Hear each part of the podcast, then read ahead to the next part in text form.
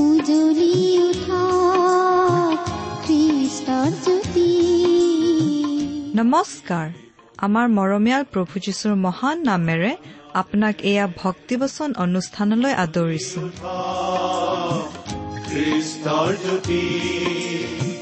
আকাশ বতাহ মুখৰিত কৰি গাঁও হাৱে মিলি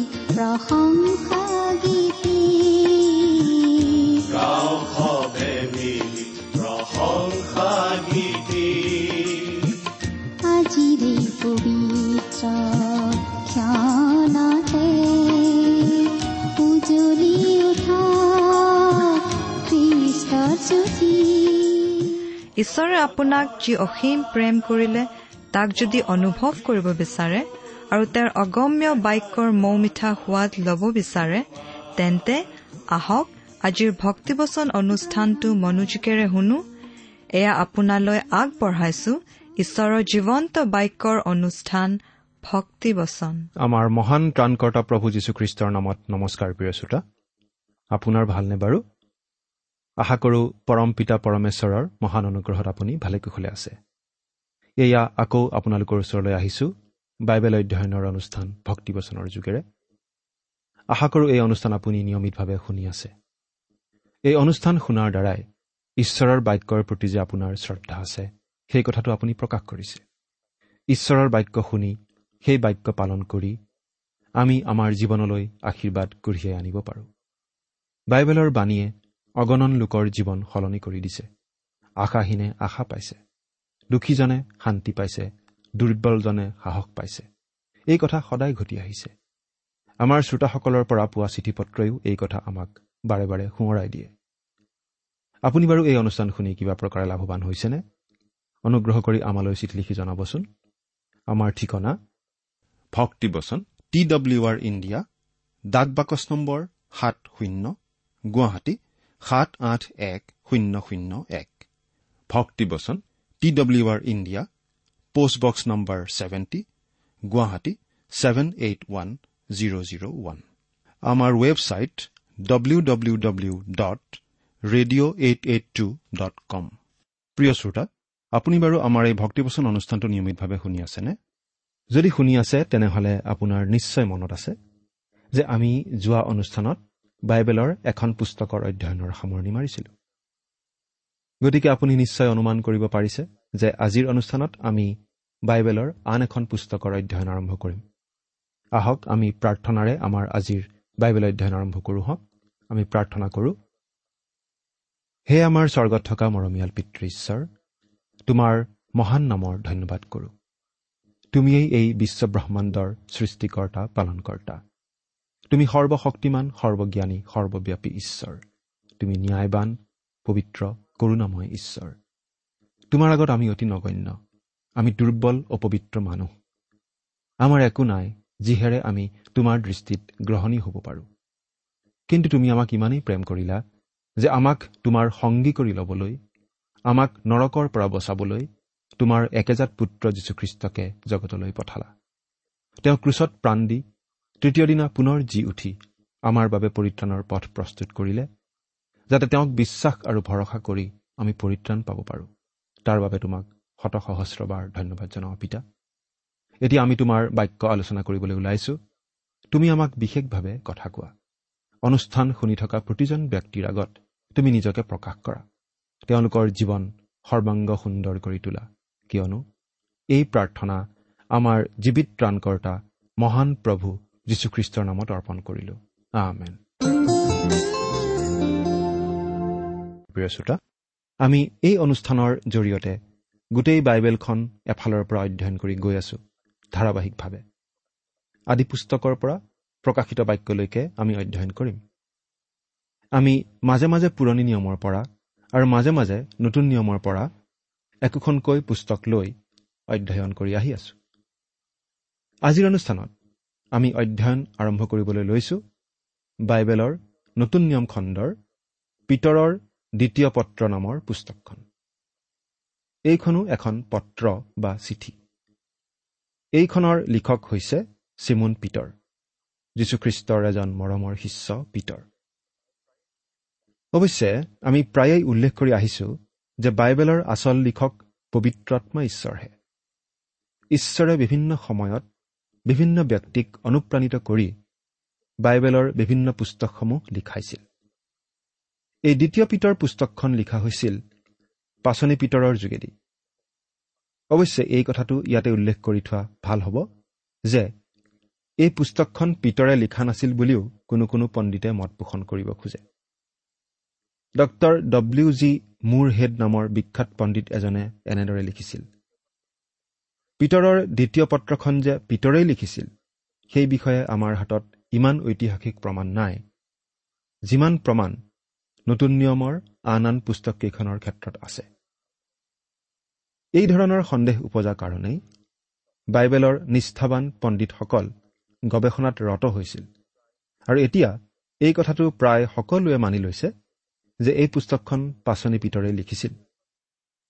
কোনো এখন বাইবেল পুস্তক অধ্যয়ন কৰোঁতে আমি প্ৰায়েই সেই পুস্তকখনৰ পৰিচয় দাঙি ধৰোঁ। পুস্তকখনৰ লিখক কোন? তেওঁনো কি পটভূমিত কি উদ্দেশ্যেৰে কথাবোৰ লিখিছিল কাক উদ্দেশ্য কৰি লিখিছিল ইত্যাদি কথাবোৰ আমি অলপ আলোচনা কৰি লওঁ। কিন্তু তেনেকুৱা কথাতেই আমি খুব বেছি সময় খৰচ কৰাও উচিত যেন নালাগে। এই দ্বিতীয় পিতৰ পুস্তকখনৰ ক্ষেত্ৰতো আমি এনেকুৱা আনুষংগিক কথাত বেছি সময় দিব খোজা নাই। কাৰণ আমি জানো যে এই দ্বিতীয় পিতৰ পুস্তকখনো ঈশ্বৰৰ বাক্যৰ অন্তৰ্গত আৰু এই কথাৰ সমৰ্থনত আভ্যন্তৰীণ আৰু বাহ্যিক দিশৰ বহুতো প্ৰমাণ আছে।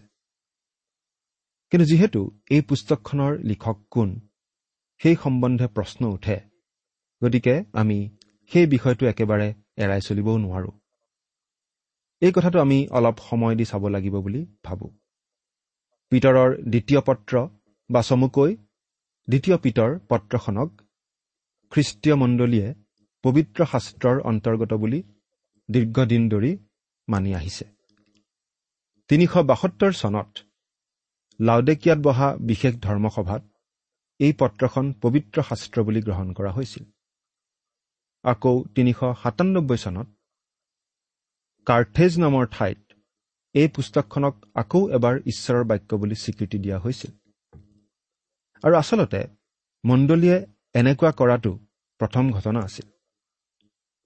জেৰমে দ্বিতীয় পিতৰক শাস্ত্ৰৰ ভালগেট ভাৰ্চনত অন্তৰ্ভুক্ত কৰিবলৈ গ্ৰহণ কৰিছিল। ইউচেবিয়াছ নামৰ আদিমণ্ডলীৰ নেতা এজনে এই দ্বিতীয় পিতৰ পুস্তকখনক বিতৰ্কিত পুস্তকৰ শাৰীত ৰাখিছিল। আনহাতে অৰিজেনে এই পুস্তকখন গ্ৰহণ কৰিছিল। আলেকজেণ্ড্ৰিয়াৰ ক্লিমেণ্টে এই পুস্তকখন গ্ৰহণ কৰিছিল। আৰু এই পুস্তকখনৰ ওপৰত ব্যাখ্যা আগবঢ়াই তেওঁ এখন কিতাপো লিখিছিল। বাইবেলৰ আন এখন পুস্তক জিহুদাৰ পত্ৰত।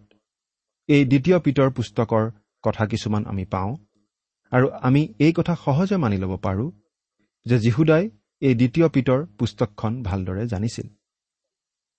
এৰিষ্টিডেছ জাষ্টিন মাৰ্টাৰ ইৰেনিয়াছ ইগনেটিয়াছ ৰোমৰ ক্লিমেণ্ট আদি ভালেমান প্ৰাচীন মণ্ডলীৰ লিখকে এই দ্বিতীয় পিতৰ পত্ৰৰ পৰা উদ্ধৃতিও দিছিল। আৰু এই পুস্তকত থকা কথাৰ সৈতে সহমতো আছিল। মাৰ্টিন লুথাৰেও এই পুস্তকখন সন্দেহৰ ঊৰ্ধত বুলি গ্ৰহণ কৰিছিল।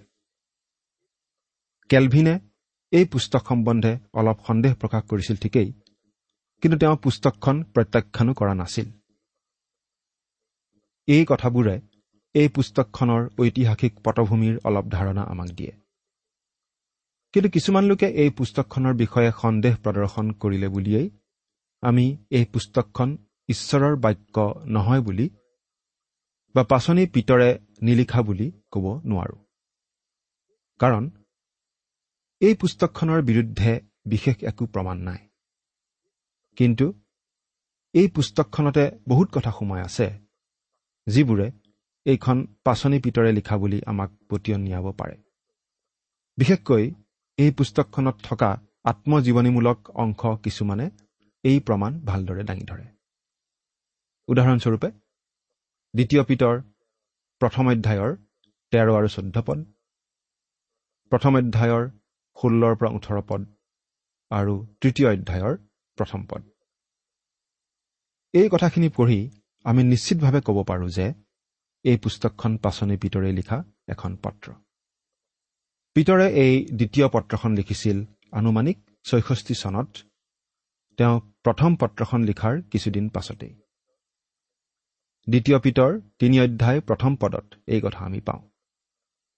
আৰু এই পত্ৰখন লিখা হৈছিল পাচনি পিতৰ খ্ৰীষ্টীয় বিশ্বাসৰ বাবে শ্বহীদ হোৱাৰ কিছুদিন আগতে। দ্বিতীয় পিতৰ প্ৰথম অধ্যায় তেৰ আৰু চৈধ্য পদ চালে আমি এই কথা বুজি পাওঁ। এই দ্বিতীয় পিতৰ পুস্তকখন পাচনি পিতৰৰ বিদায় গীতৰ নিচিনা। যেনেকৈ দ্বিতীয় তিমঠীয় পুস্তকখন পাচনি পৌলৰ বিদায় গীত বুলি আমি ক'ব পাৰোঁ। দুয়োখন পুস্তকৰ মাজত চকুত পৰা ধৰণৰ বহুতো সাদৃশ্য আছে। দুয়োখন পুস্তকতেই খ্ৰীষ্টীয় মণ্ডলীক এই বিশেষ সাৱধানবাণী শুনাই দিয়া হৈছে যে শেষকাল ওচৰ চাপি আহিছে। আৰু শেষকালত ধৰ্মভ্ৰষ্টতাই দেখা দিব। আৰু আজি আচলতে এনেকুৱা এটা সময় উপস্থিত হোৱা আমি দেখিছোৱেই। সেই সময়ত যিটো আকাশৰ এচপৰা সৰু মেঘৰ নিচিনা আছিল আজি সেই কণমানি মেঘ চপৰাই যেন কলীয়া ডাৱৰৰ নিচিনা গোটেই আকাশখন চানি পেলাইছে। আৰু যেন আহিবলগীয়া প্ৰচণ্ড ধুমুহাৰ আগজাননীহে বহন কৰিছে। পিতৰে খ্ৰীষ্টীয় শিক্ষকসকলৰ মাজত বিশ্বাসহীনতা ধৰ্মভ্ৰষ্টতা আদি দেখা দিব বুলি সাৱধানবাণী শুনাইছে। আৰু পাচনি পৌলে সাধাৰণ বিশ্বাসীসকলৰ মাজত এনে অৱস্থাই দেখা দিব বুলি জনাই দিছে। পিতৰ আৰু পৌল দুয়োজনেই তেওঁলোকৰ আহিবলগীয়া মৃত্যুৰ কথা আনন্দৰ ভাৱেৰে ঘোষণা কৰিছে। দ্বিতীয় পিতৰ প্ৰথম অধ্যায় তেৰ আৰু চৈধ্য পদ আৰু দ্বিতীয় তিমঠীয় চাৰি অধ্যায় ছয়ৰ পৰা আঠ পদ পঢ়িলে আমি এই কথা পাওঁ। পৌলে লিখিছিল যে তেওঁৰ মৃত্যুৰ সময় চমু চাপি আহিল বুলি তেওঁ বুজি পাইছে। তেওঁৰ বিদায়ৰ সময় আহিল। তেওঁ বিশ্বাসৰ দৌৰত ঠিকমতে দৌৰিলে। জীৱনৰ দৌৰত তেওঁ ব্যস্ত আছিল। নিষ্ঠাৰে তেওঁ কাম কৰি গৈছিল। কিন্তু এতিয়া সেই সকলোৰে সামৰণি পৰিবৰ হ'ল। তেওঁ উত্তম যুঁজত প্ৰাণপণ কৰিলে। তেওঁ বিশ্বাস ৰাখিলে। তেওঁৰ বাবে ধাৰ্মিকতাৰূপ কিৰিটি ৰাখি থোৱা আছে। আৰু ঠিক তেনেকুৱা বিজয়ৰ মনোভাৱ এটা আমি এই দ্বিতীয় পিতৰ পুস্তকতো পাওঁ। কাৰণ ইয়াত পিতৰেও মৃত্যুৰ দুৱাৰদলিত উপস্থিত হোৱাৰ কথাটো প্ৰকাশ পাই উঠিছে। দুয়োজন পাচনিয়েই খ্ৰীষ্টীয় মণ্ডলীক পবিত্ৰ শাস্ত্ৰ ঈশ্বৰৰ বাক্যৰ ভেটিতেই দৃঢ় কৰিবলৈ উদগনি দিছে। আৰু এই ঈশ্বৰৰ বাক্যই ভৱিষ্যতে আহিবলগীয়া ধৰ্মভ্ৰষ্টতাৰ সময়ত প্ৰতিৰক্ষাৰ একমাত্ৰ উপায় বুলি তেওঁলোকে জনাই দিছে। আৰু এই কথাটোত আমি আচৰিত হোৱা উচিত নহয় যে ছয়তানে নানা প্ৰকাৰে এই দ্বিতীয় পিতৰ পুস্তকক ঈশ্বৰৰ বাক্য নহয় বুলি প্ৰতিপন্ন কৰিবলৈ চেষ্টা চলাই আহিছে। কাৰণ এই দ্বিতীয় পিতৰ পত্ৰখনে ছয়তানৰ আক্ৰমণ ছয়তানৰ কাঁড় প্ৰতিহত কৰিবলৈ শক্তিশালী ঢাল হিচাপে আমাক সহায় কৰি আহিছে। এই দ্বিতীয় পিতৰ পুস্তক আৰু পৌলৰ শেষ পত্ৰ অৰ্থাৎ দ্বিতীয় তিমঠীয় পুস্তকৰ মাজত যি সাদৃশ্য আছে সেই সাদৃশ্যই পিতৰৰ প্ৰথম আৰু দ্বিতীয় পত্ৰ দুখনৰ মাজত থকা বিশেষ পাৰ্থক্যৰ কথাটো প্ৰকাশ কৰে। পিতৰৰ প্ৰথম পত্ৰখনৰ বিষয়বস্তুতকৈ দ্বিতীয় পত্ৰখনৰ বিষয়বস্তু বেলেগ। যেনেকৈ পাচনি পৌলে ৰুমিয়াবিলাকলৈ লিখা পত্ৰ আৰু তিমঠিয়ৰ প্ৰতি লিখা পত্ৰৰ মাজত যথেষ্ট প্ৰভেদ আছে। দ্বিতীয় পিতৰ পত্ৰত আমি দেখিবলৈ পাওঁ যে ধৰ্মভ্ৰষ্টতা আহি আছে। সেই ধুমুহা আহি আছে। তাৰ সন্মুখীন হ'বলৈ আমি নিজকে কেনেদৰে সাজু কৰা উচিত বাৰু? পিতৰে কৈছে মাত্ৰ এটাই উপায় আছে আৰু সেইটো হৈছে জ্ঞানৰ দ্বাৰা। কেৱল খ্ৰীষ্টত বিশ্বাস কৰিলেই নহ'ব। কেৱল তেওঁক ত্ৰাণকৰ্তা বুলি গ্ৰহণ কৰিলেই নহ'ব। কিন্তু তেওঁক জানিব লাগিব। প্ৰভু যীশুৱে কোৱা কথা এষাৰ আমি আকৌ মনত পেলাই ল'ব খুজিছো। আৰু একমাত্ৰ সত্য ঈশ্বৰ যি তুমি তোমাক আৰু তুমি পঠোৱা যীশুখ্ৰীষ্টক জনা এয়েই অনন্ত জীৱন। জোহন সোতৰ অধ্যায় তিনি নম্বৰ পদ। আমি কেৱল খ্ৰীষ্টৰ বিষয়ে জানিলে নহ'ব আমি খ্ৰীষ্টক জানিব লাগিব। খ্ৰীষ্টক বাদ দি কোনো খ্ৰীষ্টীয় অনুষ্ঠান হ'ব নোৱাৰে। আমি সামাজিক অনুষ্ঠান পাতিব পাৰোঁ। কিন্তু খ্ৰীষ্টক বাদ দি স্থাপন কৰা কোনো অনুষ্ঠানক আমি খ্ৰীষ্টীয় অনুষ্ঠান বুলি ক'ব নোৱাৰোঁ। প্ৰিয় শ্ৰোতা যদিহে আপুনি খ্ৰীষ্টিয়ান বুলি নিজকে চিনাকি দিয়ে তেনেহ'লে আপুনি খ্ৰীষ্টক জানিবই লাগিব। তাৰমানে কেৱল খ্ৰীষ্টৰ বিষয়ে জনা নহয় কিন্তু খ্ৰীষ্টক ব্যক্তিগতভাৱে জনা। এই দুটা কথাৰ মাজত যথেষ্ট পাৰ্থক্য আছে। বহুতো অনুষ্ঠানে নিজক খ্ৰীষ্টীয় অনুষ্ঠান বুলি কয়। কিন্তু তেওঁলোকৰ আঁচনি তেওঁলোকৰ কৰ্মসূচীত খ্ৰীষ্টৰ যদি কোনো স্থানেই নাথাকে তেনেকুৱা অনুষ্ঠান কেতিয়াও খ্ৰীষ্টীয় অনুষ্ঠান হ'ব নোৱাৰে। তেনেকুৱা অনুষ্ঠান পেট্ৰল নোহোৱা গাড়ীৰ নিচিনা গাখীৰ নোহোৱা পায়সৰ নিচিনা। মুঠতে আমি যদি খ্ৰীষ্টীয় বিশ্বাসী আমি খ্ৰীষ্টক জানিবই লাগিব। এই দ্বিতীয় পিতৰ পুস্তকখনৰ মূল বিষয় ধৰ্মভ্ৰষ্টতাই মাথোন নহয়। সেই ধৰ্মভ্ৰষ্টতাৰ পৰা ৰক্ষা পোৱাৰ উপায় অৰ্থাৎ জ্ঞান প্ৰভু যীশুৰ জ্ঞান সম্বন্ধেও ইয়াত আমি বিশেষভাৱে পঢ়িবলৈ পাম। এই জ্ঞাননো ক'ত আছে? এই জ্ঞাননো আমি ক'ৰ পৰা আহৰণ কৰিব পাৰোঁ? পিতৰে এই কথা আমাক দেখুৱাই দিছে যে কেৱল ঈশ্বৰৰ বাক্যৰ যোগেদিহে এই জ্ঞান আমি আহৰণ কৰিব পাৰোঁ। তেওঁ ঈশ্বৰৰ সুনিশ্চিত বাক্যৰ কথা আমাক ইয়াত ক'ব। প্ৰিয় শ্ৰোতা এই কথাটো আমি মনত ৰখা উচিত যে খ্ৰীষ্টীয় জীৱনটো কেৱল আত্মিকভাৱে নতুন জন্ম লোৱাটোতেই নহয়। খ্ৰীষ্টীয় জীৱনটো হৈছে বৃদ্ধিৰ জীৱন উন্নয়নৰ জীৱন প্ৰগতিৰ জীৱন। এই দ্বিতীয় পিতৰ পত্ৰৰ মূল পদটো হৈছে শেষৰ পদটো। পদটো পাঠ কৰি দিছো। আৰু আমাৰ প্ৰভু আৰু ত্ৰাণকৰ্তা যীশুখ্ৰীষ্টৰ অনুগ্ৰহত আৰু জ্ঞানত বাঢ়ি বাঢ়ি যোৱা। এতিয়া আৰু অনন্তকাললৈকে তেওঁৰ মহিমা হওক। আমেন। দ্বিতীয় পিতৰ তিনি অধ্যায় ওঠৰ পদ। স্ত্ৰী ৰোগ বিশেষজ্ঞৰ কাম হৈছে সন্তান জন্ম দিয়াৰ সময়ত মাতৃগৰাকীক সহায় কৰা। সন্তান সুকলমে জন্ম দিয়াব পৰাতেই তেওঁৰ চিন্তা। আনহাতে শিশুৰোগ বিশেষজ্ঞজনৰ কাম আৰম্ভ হয় সন্তানে জন্ম পোৱাৰ পাছৰ পৰা। সন্তানটিক সুস্থ সবলভাৱে ডাঙৰ দীঘল হোৱাত সহায় কৰাটো শিশুৰোগ বিশেষজ্ঞৰ কাম। প্ৰিয় শ্ৰোতা আজি বহুতো লোকে প্ৰভু যীশুখ্ৰীষ্টৰ শুভবাৰ্তা বিলাই আছে। ঈশ্বৰৰ সেই বাক্যৰ যোগেদি আজি বহুতো লোকে প্ৰভু যীশুখ্ৰীষ্টক ত্ৰাণকৰ্তা বুলি গ্ৰহণ কৰিছে প্ৰভু যীশুখ্ৰীষ্টক বিশ্বাস কৰিছে নিজৰ জীৱনৰ ত্ৰাণকৰ্তা প্ৰভু বুলি গ্ৰহণ কৰি পবিত্ৰ আত্মাৰ শক্তিৰে আত্মিক জন্ম লাভ কৰিছে আৰু ঈশ্বৰৰ সন্তান হৈছে। ঈশ্বৰৰ এই পৰিচৰ্যা চলি আছে। আৰু ঈশ্বৰৰ এই যি পৰিচৰ্যা এই পৰিচৰ্যাৰ বাবে আমি সকলো কথাৰ বাবে আমি ঈশ্বৰক ধন্যবাদ দিব পাৰোঁ। কিন্তু প্ৰভু যীশুখ্ৰীষ্টক নিজৰ জীৱনৰ ত্ৰাণকৰ্তা বুলি গ্ৰহণ কৰি নতুন জন্ম লাভ কৰা লোকসকলক খ্ৰীষ্টীয় বিশ্বাসী হিচাপে নতুনকৈ জন্ম পোৱা বিশ্বাসী হিচাপে বিশ্বাসৰ জীৱনত তুলি তালি ডাঙৰ দীঘল কৰাৰো বিশেষ দায়িত্ব আছে।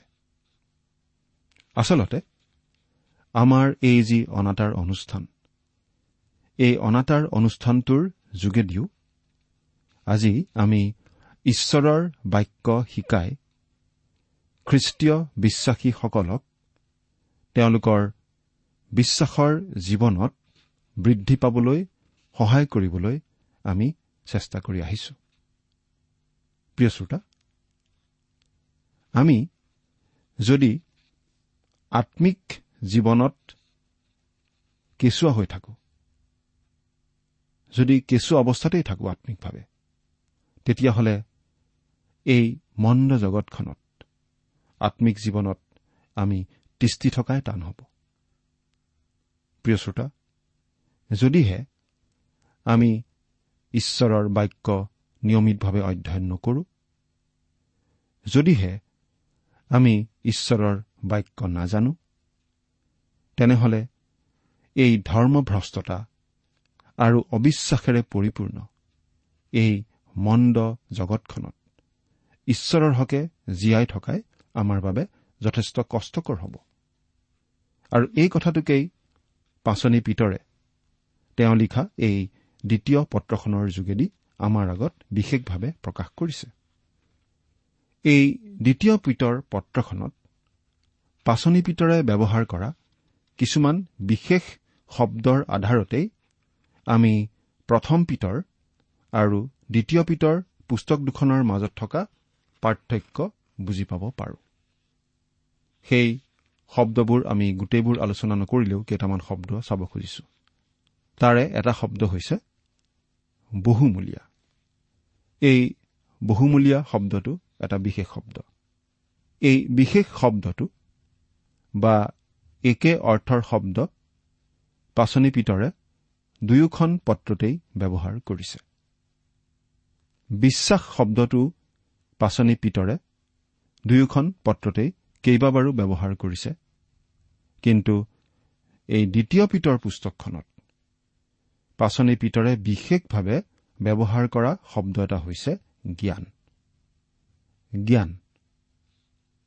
এই জ্ঞান শব্দটো বা ইয়াৰে সৈতে একে অৰ্থ বহন কৰা শব্দ মুঠতে ষোল্লবাৰ ব্যৱহৃত হৈছে এই দ্বিতীয় পিতৰ নামৰ পুস্তকখনত। আৰু এই দ্বিতীয় পিতৰ পত্ৰৰ গোটেই কথাখিনি শেষৰ পদটোতেই সাঙুৰ খাই আছে থুপ খাই আছে। কি বাৰু কথাখিনি? খ্ৰীষ্টৰ জ্ঞানত বৃদ্ধি পোৱা। অৰ্থাৎ খ্ৰীষ্টক অধিক অধিককৈ জনা। এইটোৱেই হৈছে খ্ৰীষ্টীয় বিশ্বাসৰ প্ৰধান মূল সকলোতকৈ প্ৰয়োজনীয় কথা। এতিয়া আমি বাইবেলৰ পৰা পাঠ কৰি দিব খুজিছো। দ্বিতীয় পিতৰ প্ৰথম অধ্যায়ৰ প্ৰথম পদটো পঢ়ি দিম। আপোনাৰ লগত যদি বাইবেল আছে আপুনি অনুগ্ৰহ কৰি মেলি লওকচোন। আৰু যদিহে বাইবেল নাই তেতিয়াহ'লে আমি পাঠ কৰি দিম মন দি শুনিব। দ্বিতীয় পিতৰ এক নম্বৰ অধ্যায়ৰ এক নম্বৰ পদ। পাঠ কৰি দিছো। যীশুখ্ৰীষ্টৰ দাস আৰু পাচনি চিমুন পিতৰ। আমাৰ ঈশ্বৰ আৰু ত্ৰাণকৰ্তা যীশুখ্ৰীষ্টৰ ধৰ্মগুণে যিবিলাক আমাৰে সৈতে একে সমান অমূল্য বিশ্বাসৰ অংশী হল তেওঁবিলাকৰ সমীপলৈ। ইয়াত পিতৰে নিজকে যীশুখ্ৰীষ্টৰ দাস বুলি কৈছে। তেওঁ নিজক যীশুখ্ৰীষ্টৰ দাস বুলি চিনাকি দিছে। দাস মানে কি বাৰু? দাস মানে আচলতে বন্ধা গোলাম ঠিক এনেকুৱা এটা ভাৱ ইয়াত প্ৰকাশ পাইছে। আমি মন কৰা উচিত যে পাচনি পিতৰে নিজকে কোনো উচ্চ পদবীধাৰী লোক বুলি গৌৰৱ কৰা নাই। নিজকে তেওঁ এজন সামান্য দাস বুলিহে কৈছে। তেওঁ নিজকে পাচনি চিমুন পিতৰ বুলি কৈছে। পাচনি চিমুন পিতৰ। তেওঁ এজন পাচনি কাৰণ তেওঁক প্ৰভু যীশুৱে বিশেষভাৱে বাছি লৈ তেওঁৰ শুভবাৰ্তা ঘোষণা কৰিবলৈ প্ৰেৰণ কৰিছিল পাচিছিল পঠাইছিল। আমাৰ ঈশ্বৰ আৰু ত্ৰাণকৰ্তা যীশুখ্ৰীষ্টৰ ধৰ্ম গুণে যিবিলাক আমাৰে সৈতে একে সমান অমূল্য বিশ্বাসৰ অংশী হল তেওঁবিলাকৰ সমীপলৈ এই পত্ৰখন লিখা হৈছিল খ্ৰীষ্টীয় বিশ্বাসীসকললৈ। তেওঁলোক সকলোৱে একে সমান অমূল্য বিশ্বাসৰ অংশীদাৰ। প্ৰতিজন খ্ৰীষ্টীয় বিশ্বাসীয়ে মনত ৰখা উচিত যে ত্ৰাণকৰ্তা যীশুখ্ৰীষ্টৰ ধৰ্মগুণে অৰ্থাৎ যীশুখ্ৰীষ্টই আমাৰ ধাৰ্মিকতা হোৱা বাবেই আমি আজি অমূল্য খ্ৰীষ্টীয় বিশ্বাসৰ অংশীদাৰ হ'ব পাৰিছো। আমি যেতিয়া খ্ৰীষ্টক আমাৰ ত্ৰাণকৰ্তা বুলি গ্ৰহণ কৰো আমাক ঈশ্বৰে সম্পূৰ্ণ ধাৰ্মিক বুলি ঘোষণা কৰে। আমাৰ সকলো পাপ অপৰাধ ক্ষমা কৰে। খ্ৰীষ্টৰ যি ধাৰ্মিকতা সেই ধাৰ্মিকতা আমাক আৰোপিত কৰা হয়। গতিকে খ্ৰীষ্ট যিমান ধাৰ্মিক সিমান ধাৰ্মিক বুলি আমি পৰিগণিত হওঁ। গতিকে প্ৰতিজন খ্ৰীষ্টীয় বিশ্বাসীয়েই খ্ৰীষ্টত সমান ধাৰ্মিক। কোনো বেছি নহয় কোনো কম নহয়। কিন্তু এই সুবিধা কেৱল মাত্ৰ দুই এজনৰ বাবে নহয় সকলোলৈকে ঈশ্বৰে এই সুবিধা আগবঢ়াইছে। সকলো লোকেই এই সুবিধা গ্ৰহণ কৰি খ্ৰীষ্টক ত্ৰাণকৰ্তা বুলি গ্ৰহণ কৰি আজিয়েই এই মুহূৰ্ততে ধাৰ্মিক বুলি পৰিগণিত হৈ ঈশ্বৰে আগবঢ়োৱা সেই পৰিত্ৰাণ লাভ কৰিব পাৰে। এয়া ঈশ্বৰৰ অনুগ্ৰহৰ দান। সেই অনুগ্ৰহৰ দান আপুনি বাৰু গ্ৰহণ কৰিছেনে?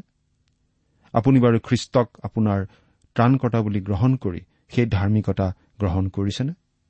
ঈশ্বৰে আপোনাক আশীৰ্বাদ কৰক। জগতৰ প্ৰতিজন লোককে মাতি আছে তেওঁ মৰমেৰে। যিচুৰ সেই আহ্বানলে সঁহাৰি দিয়াৰ সময়ে তেওঁ বিশ্বাস কৰা কোনো লোকেই ইমান পৰে আপুনি ভক্তিবচন অনুষ্ঠানটি শুনিলে। অনুষ্ঠানটি শুনি কেনে পালে? আমালৈ চিঠি লিখি জনাবচোন। অনুষ্ঠানত প্ৰচাৰ কৰা কোনো কথা বুজিব লগা থাকিলেও আমালৈ লিখক।